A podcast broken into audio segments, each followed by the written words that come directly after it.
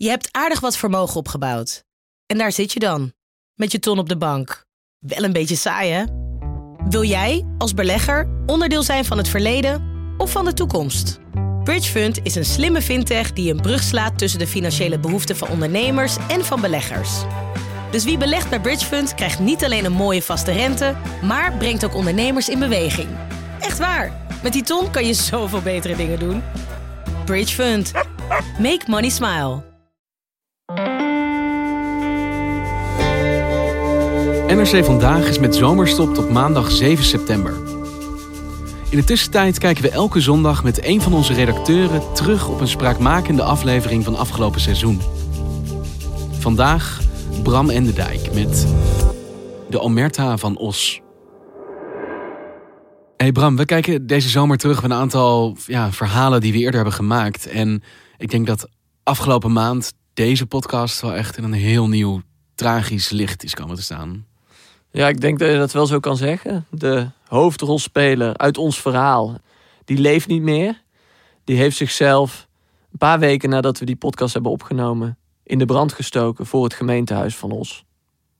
En hoe is dat bij jullie aangekomen? Ja, Jou en Jan, met wie je samen dit verhaal hebt gemaakt. Het is natuurlijk het allerheftigst voor zijn directe familieleden. Um, maar ja, we hebben hem ook wel, we hebben een aantal keer met hem gesproken. Dus als dan zoiets gebeurt, dat, ja, dat, dat doet wel ook iets met je als, als gewoon als journalist. En ook gewoon als, als, als Bram, weet je wel. Ja, dat was een hele gekke ochtend met, met toch nieuws waarvan je denkt van ja, wat, wat is dit? En ja, dit is gewoon heel erg heftig. Dat, ja, dat zeker. Het raakte echt een zenuw dat dit is gebeurd. Van... En ook mensen die de podcast hebben geluisterd, die dan zeiden: dat is toch, dat is die man toch? Ja, dat is die man inderdaad. Die man, die leeft niet meer. Vanaf de redactie van NRC, het verhaal van vandaag. Mijn naam is Thomas Ruip.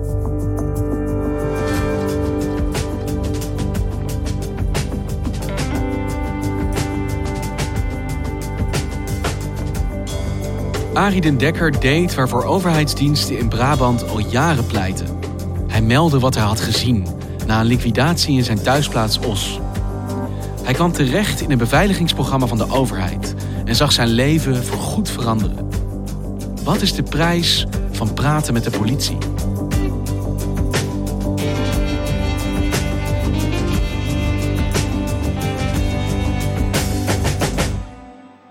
Arie den Dekker is een Ossenaar en daar typeer je misschien wel meteen mee. 54 jaar oud, woont al bijna zijn hele leven in die Brabantse stad.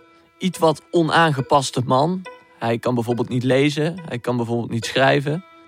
Bram Enderdijk is correspondent Brabant en maakte dit verhaal samen met misdaadverslaggever Jan Meijers. Arie die, uh, komt echt uit de volksbuurt. Nou ja, als je hem hoort praten, dan hoor je de, de, het Brabants er meteen doorheen. Ja, ik kom zelf ook uit een volksbuurt. Ja, gewoon een normale jongen. En we kennen elkaar allemaal, ons is niet zo groot, hè. Zo'n 30 jaar geleden hield hij zich bezig met uh, nou ja, zaken waarvoor je achter de tralies kan komen. Dan moet je denken aan uh, overvallen bijvoorbeeld. Maar hij zegt zelf, dat heb ik al echt al jaren achter me gelaten. Sindsdien heb ik een beetje gehandeld in honden. Hij heeft ook een uitkering. En um, Arie Dekker woonde vlakbij een berucht woonwagenkamp in Os. Uh, aan de Angelbaardstraat is dat. En dat was een huis waar hij eigenlijk wel blij was. En dat is een beetje raar te begrijpen als hij dan omschrijft hoe dat er dan aan toe ging. Want hij vertelt van ja, het huis was eigenlijk niet meer helemaal goed. Daar kwamen de ratten ook door de planken naar boven kruipen. Maar ik had het, ik had het er naar mijn zin, zegt hij dan. Tot de zondagnacht van 3 op 4 juni 2018. Arie zit na 12 uur al nog buiten.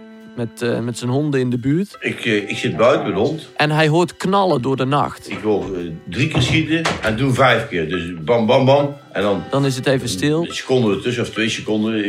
En daarna nog vijf. Dit ziet hij gebeuren. Ja. En wat hij ook ziet, hij ziet een auto langsrijden. Dat is een Audi, vertelt hij. Komt er een auto keihard langs mij gereden, langs die weg. En ik kon 20 meter van die weg af. Dus ik hoorde die auto, die hoorde ik al aankomen. En die auto die had zo'n raar geluid, zo, dat, dat klappen. Bam, bam, bam, bam. En op een gegeven moment komt er dan een auto zijn straat in rijden. Vlakbij zijn huis zit namelijk een soort ambulancepost. En er roept iemand van... Rij achter mij aan, rij achter me aan. Toen heb ik iemand doodgeschoten. Toen heb ik de politie gebeld. Toen heb ik tegen de politie gezegd... Luister eens, ik heb een auto weg zien rijden en ik heb acht schoten gehoord. Hij belt de politie. Iets wat hij eigenlijk in zijn hele leven nog nooit, bijna nooit heeft gedaan. En nu, achteraf, zegt hij van... Dat was eigenlijk het moment achteraf gezien waarop mijn leven voorgoed is veranderd. En dan kan ze zeggen, u moet de waarheid spreken, sluit mij maar op. Maar van mij nooit één woord meer. En dan raad ik ook iedereen aan. Dat meen ik echt, joh. Want je, je zit in de lenden, hè.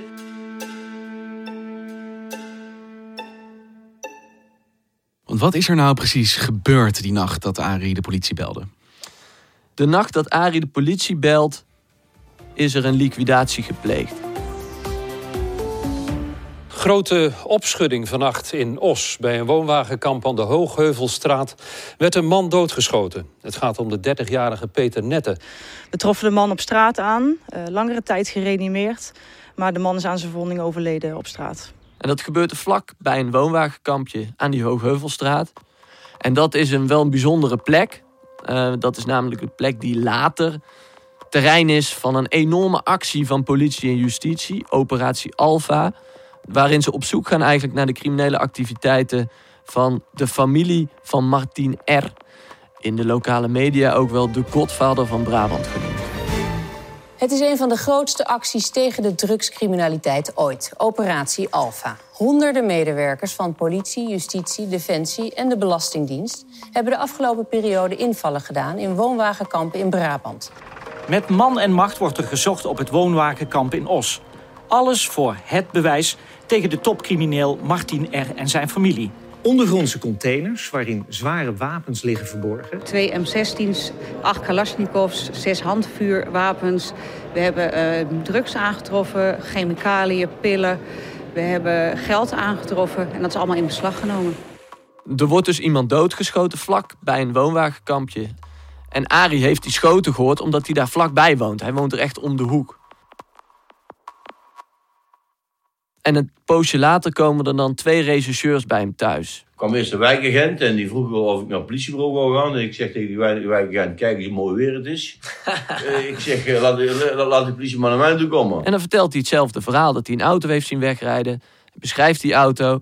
Hij vertelt ook aan de politie dat hij niet heeft gezien wie er in die auto zat.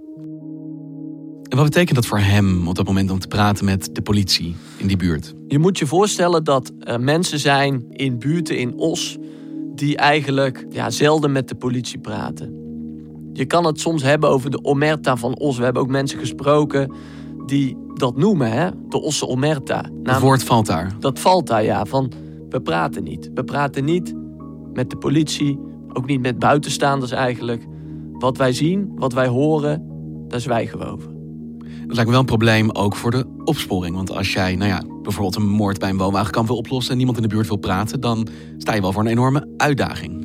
Het is zeker een probleem als je misdaad wil aanpakken. En in Brabant is er op een gegeven moment een campagne gestart... die ze noemde... Je bent een held als je meldt. Heel veel inwoners kunnen ook dingen zien. Als er uh, auto's rijden met vreemde nummerborden of mensen die erg rondhangen. Uh, zorg dat je ook meldt. Je bent een held als je meldt en zeker geen verrader. Het is je burgerplicht om te melden. En is dat dan ook de reden dat Arie gaat praten? Doorbreken van die stilte? Nee, Arie die denkt helemaal niet aan campagnes of aan redenen waarom die gaat praten. Die heeft in een opwelling de telefoon gepakt en 112 gebeld.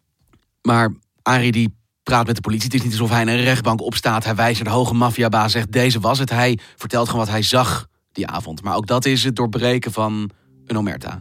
Ja, inderdaad. Een paar maanden later blaffen de honden van Ari midden in de nacht. En hoort hij het gerinkel van glas. En hij kijkt naar buiten en hij ziet een lange jongen staan met een soort van fles in zijn hand. Wat waarschijnlijk een molotov cocktail is. Want als hij die fles naar binnen gooit, dan staat zijn huis binnen de kortste keren in de brand. De vlammen die kwamen die kamer al, al binnen, jongen. En, ik, en ik kwam mijn hond meenemen, snap je? En dat ging niet. Ik, ik, ik, kon niet onder het bed kruipen, zeg maar, om de hondje te pakken.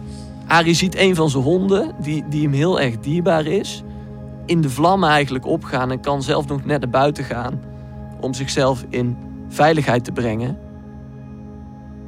Er wordt dus een aanslag op zijn leven gepleegd, die hij gelukkig overleeft. En wat gebeurt er vanaf dat moment?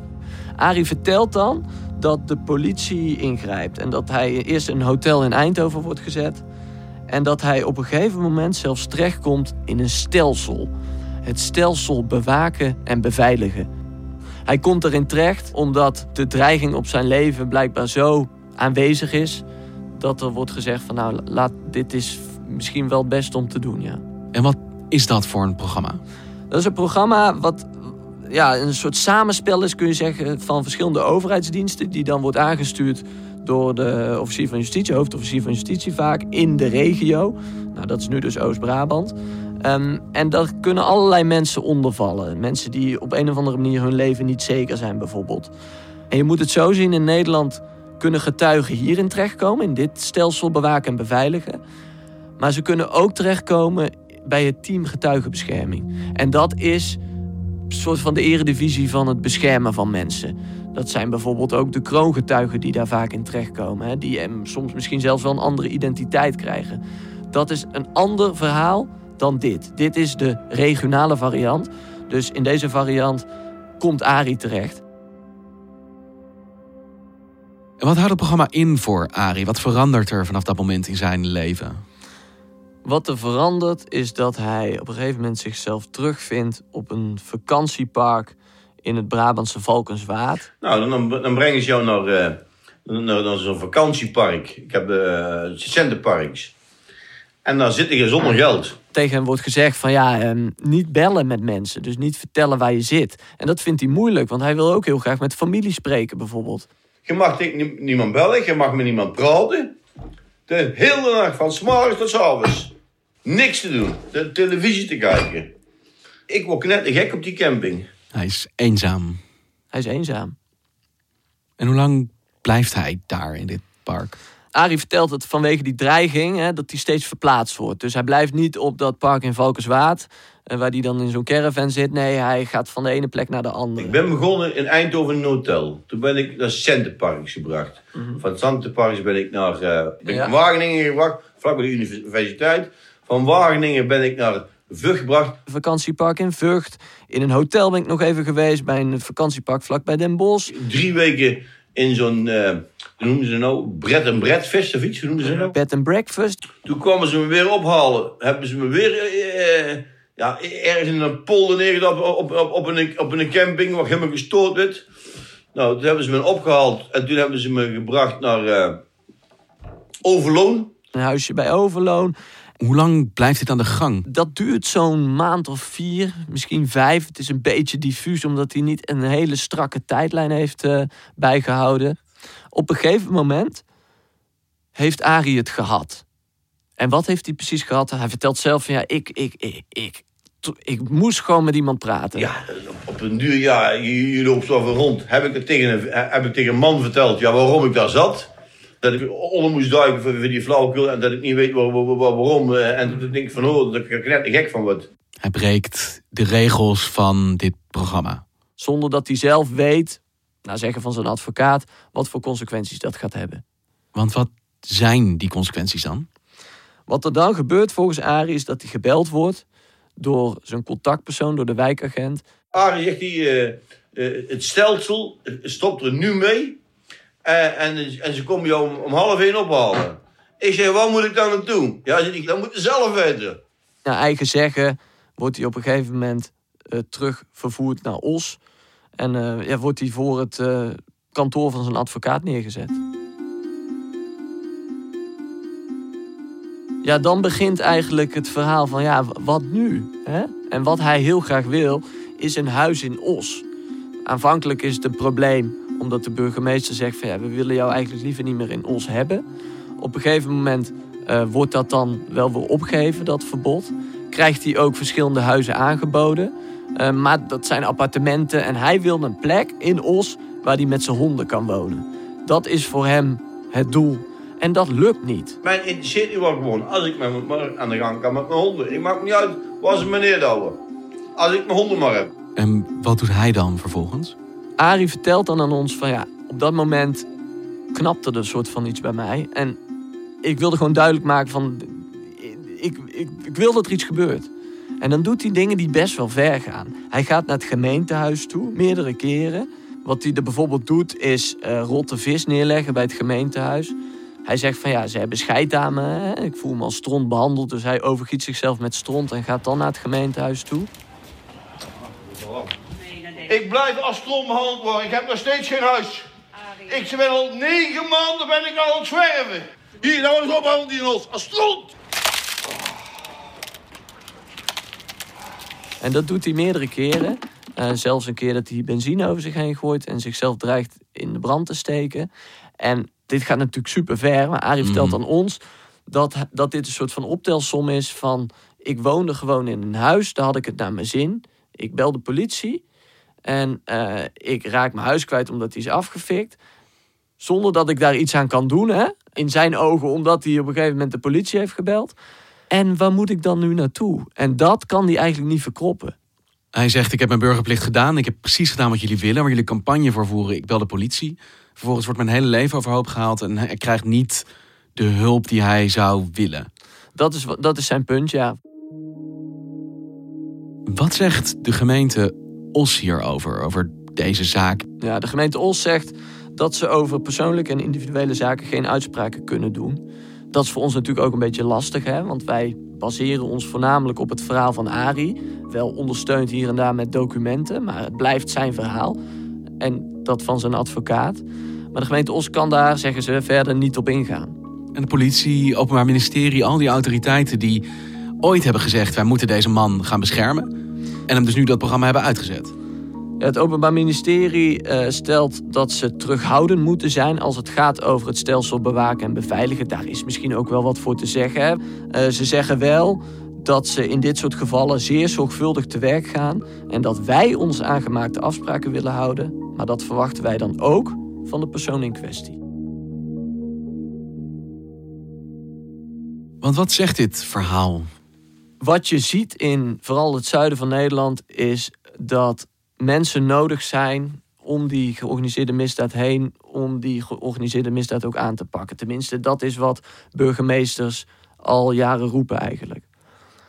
En het opvallende is dat deze man nu zegt: van ja, ik heb het een keer gedaan, maar ik zou het niemand aanraden. En dat is niet de eerste keer dat dat gebeurt. Drie jaar geleden heb ik ook een verhaal gemaakt aan de andere kant van de provincie, waar ook iemand in datzelfde stelsel terecht kwam die ook van vakantiehuis van, naar vakantiehuis werd gesleept eigenlijk. Die ook een getuige was richting een criminele groep in het zuiden. En die ook na afloop zegt, als ik dit had geweten, had ik het niet meer gedaan. En ik denk dat dat, ja, dat, dat is niet het signaal, denk ik, dat de politie en justitie willen dat naar buiten komt. Want zij willen graag dat mensen die iets melden, dat die dat ook aanraden aan anderen om dat te gaan doen. Omdat dat, volgens hun althans, de methode is om dat probleem in Noord-Brabant aan te pakken. Maar als je aan de andere kant niet kan garanderen dat ja, mensen veilig zijn of ze zo'n beschermingsprogramma aanbiedt waarin iedereen eigenlijk doodongelukkig wordt, hoe ga je dat dan oplossen? Dan ontmoedig je mensen weer toch als je dit soort verhalen hoort. Ja, de vraag is wel of iedereen er ongelukkig van wordt. Hè? We moeten wel ook het een beetje in perspectief plaatsen dat het is een stelsel bewaken en beveiligen, waar je natuurlijk weinig mensen over hoort. Het is best bijzonder dat iemand daarover vertelt, hè, wat diegene heeft meegemaakt, omdat hij dus bedreigd is geweest. Ja, dan is niet het eerste wat je doet, is de media zoeken. Ze moeten wel ons achterhoofd houden dat tegenover deze twee verhalen misschien ook een heel aantal mensen staan die wel heel gelukkig zijn met dat stelsel. De mensen in getuigenbescherming waarvan je niks hoort, omdat ze dus waarschijnlijk goed beschermd worden ja, dat, dat moeten we wel in ons achterhoofd houden. Dat dat in theorie mogelijk is.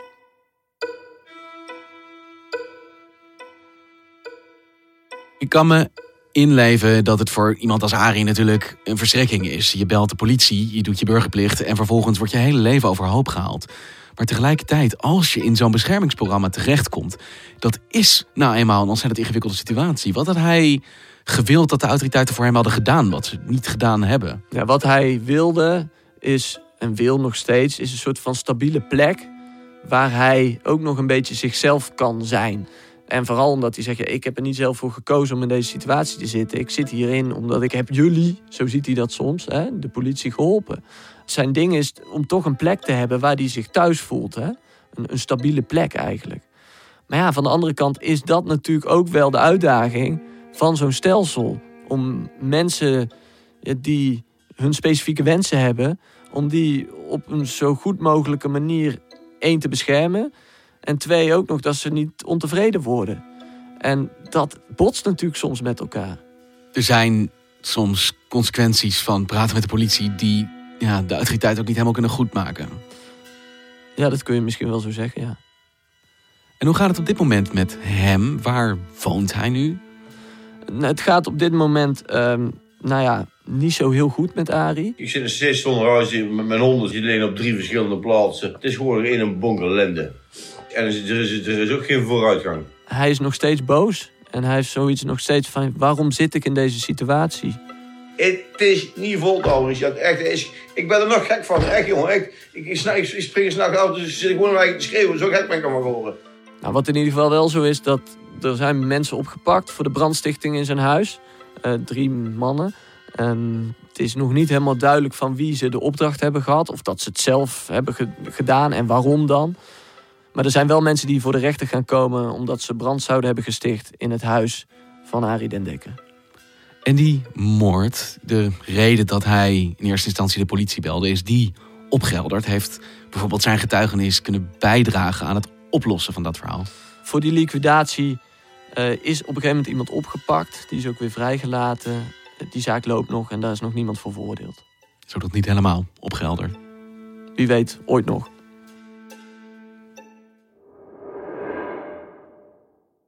Bram, deze podcast hebben wij gepubliceerd op 8 juli. En inmiddels weten we dus hoe het uh, met hem is afgelopen. Dat hij een einde aan zijn leven heeft gemaakt, zichzelf in brand gestoken heeft in Os.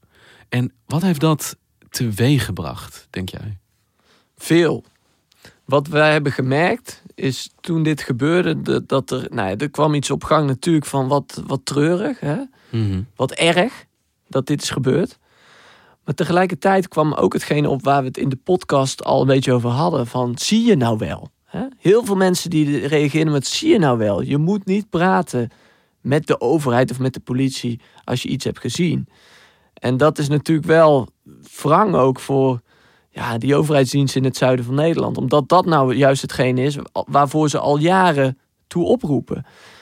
Hey, tijdens jullie onderzoek liepen uh, Jan en jij tegen best wat journalistieke muren op. Uh, instanties die eigenlijk niet met jullie wilden praten. Hebben die wel gereageerd naar aanleiding van zijn dood? Wat er is gebeurd is dat op de dag dat Arie den Dekker zichzelf in brand heeft gestoken... dat de burgemeester van Os een videoboodschap heeft opgenomen. Ze wilde op dat moment niet op vragen ingaan van media, maar ze kwam met een videoboodschap. En daarin stelde ze dat ze best wel veel voor uh, Arie altijd hebben gedaan. Dat ze daar niet heel veel op kan ingaan. Dat ze het heel erg vindt van de familieleden. Daarin zei ze ook dat het heel veel geld heeft gekost.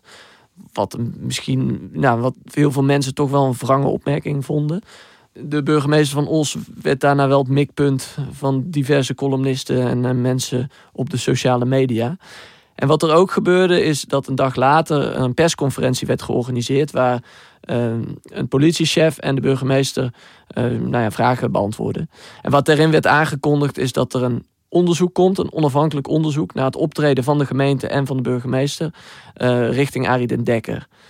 Het wrange is dat Arie den Dekker in een voicemailbericht aan mijn collega Jan daartoe heeft opgeroepen. Van ik wil dat er een onderzoek komt naar de burgemeester. Dus dat eigenlijk postuum een van zijn grootste wensen nou, misschien alsnog in vervulling gaat. Dankjewel, Bram. Graag gedaan.